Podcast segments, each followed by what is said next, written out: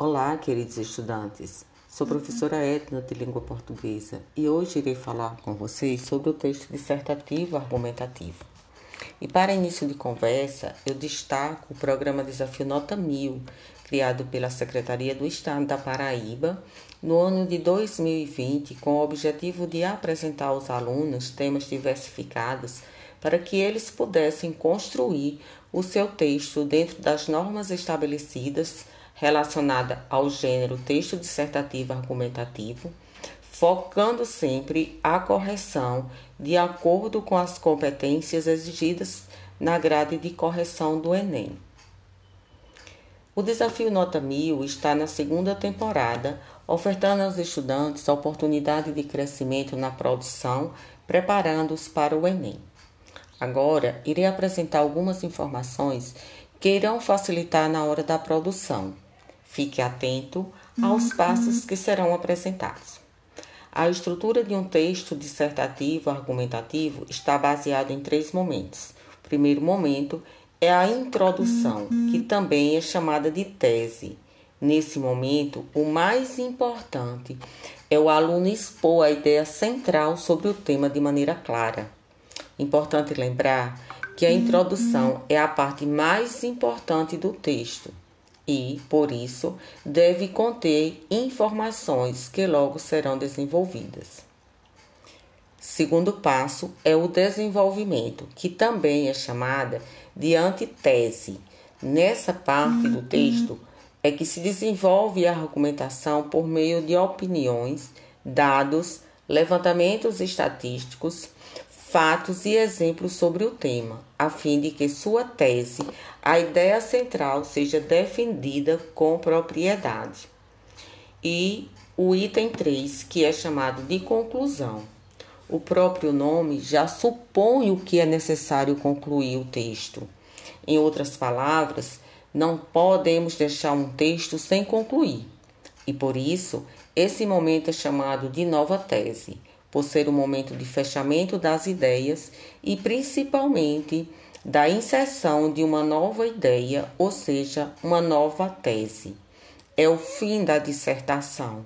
Neste ponto, é importante que todos os argumentos já tenham sido apresentados para que a ideia centrada seja retomada e finalizada, apresentando uma proposta de intervenção. Também irei apresentar para vocês algumas dicas para um bom texto dissertativo argumentativo.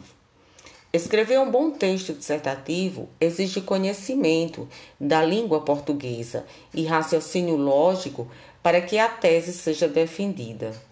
Além desses fatores, alguns passos são fundamentais para, para fazer uma redação nota mil. Primeiro passo é você entender o tema. Principalmente no Enem, é comum que o candidato tenha que redigir sobre um tema já estabelecido. As redações têm foco em assuntos atuais e polêmicos. Por essa razão, é fundamental que os estudantes estejam atualizados para discorrer com propriedade. Ao fazer um texto dissertativo, argumentativo, é importante ter a certeza de entender bem o tema. Afinal, se houver dúvida sobre o assunto em questão, os argumentos poderão ser prejudicados. E, como consequência, o leitor terá dificuldade em captar as ideias e mensagens transmitidas. Entenda as etapas de uma redação. Entender o que deve ser escrito em cada uma das etapas é primordial para fazer um bom texto. Vale uhum. lembrar ainda que existe uma pré-etapa, a de compreensão dos textos motivadores que são apresentados junto ao tema da redação. Outro ponto importante é você saber escolher os seus argumentos diante do tema. Certamente, você encontrará uma série de informações para contribuir com a sua tese. Mas quais delas são mais importantes? Elas de fato ajudarão a convencer o leitor sobre o seu ponto de vista? É fundamental realizar essa reflexão e fazer um filtro dos argumentos que você tem em mãos. Organize cada parágrafo do seu texto. Normalmente, Em exames, além de respeitar a hierarquia do texto, também é exigido que sua redação permaneça dentro de uma quantidade de linhas. Sendo assim, procure organizar os parágrafos e estabelecer o que cada um deles trará, trará de informações. Desenvolva com clareza. Tenha sempre em mente que o leitor deve ser convencido da sua ideia. Por isso, veja se ela está clara e de fácil entendimento. Use um vocabulário adequado, escolhendo palavras que contribuam para essa compreensão. Traga soluções. Em um texto dissertativo argumentativo, sempre que apontar um problema, crie uma solução. Se você faz uma crítica a algo, pense em alternativas que poderão ser usadas para resolver ou minimizar a situação. Lembre-se também de apresentar evidências para todas as ideias que você apresentou no seu texto. Outro ponto importante é ficar atento à sua escrita. De nada adianta você ter uma tese bem construída e convincente, mas com erros da língua portuguesa. Então, é preciso que você fique atento a esses erros, porque é fundamental para que a sua dissertação seja perfeita. Se tiver dúvida sobre escrever uma palavra, por exemplo, e não for possível consultar um dicionário no momento, não arrisque. Pense em um sinônimo dos quais você tem certeza da grafia. Antes de concluir e entregar o seu texto, revise e confira seu texto.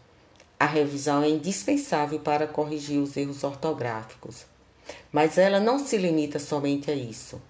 Quando você confere o seu texto com um novo olhar, fica fácil de identificar falhas na narrativa. Outro ponto importante é a aparência do seu texto, que também ela é avaliada na correção do Enem. A primeira coisa que o corretor faz quando ele pega a sua redação é olhá-la de cima para baixo para observar a organização dos parágrafos, os recuos, as letras legível, a letra legível e a limpeza, e se há rasuras ou não. Só depois então é que ele parte para a leitura do texto produzido pelo candidato. É claro que é preciso respeitar o mínimo de sete linhas e o máximo de 30 linhas escritas em letra legível.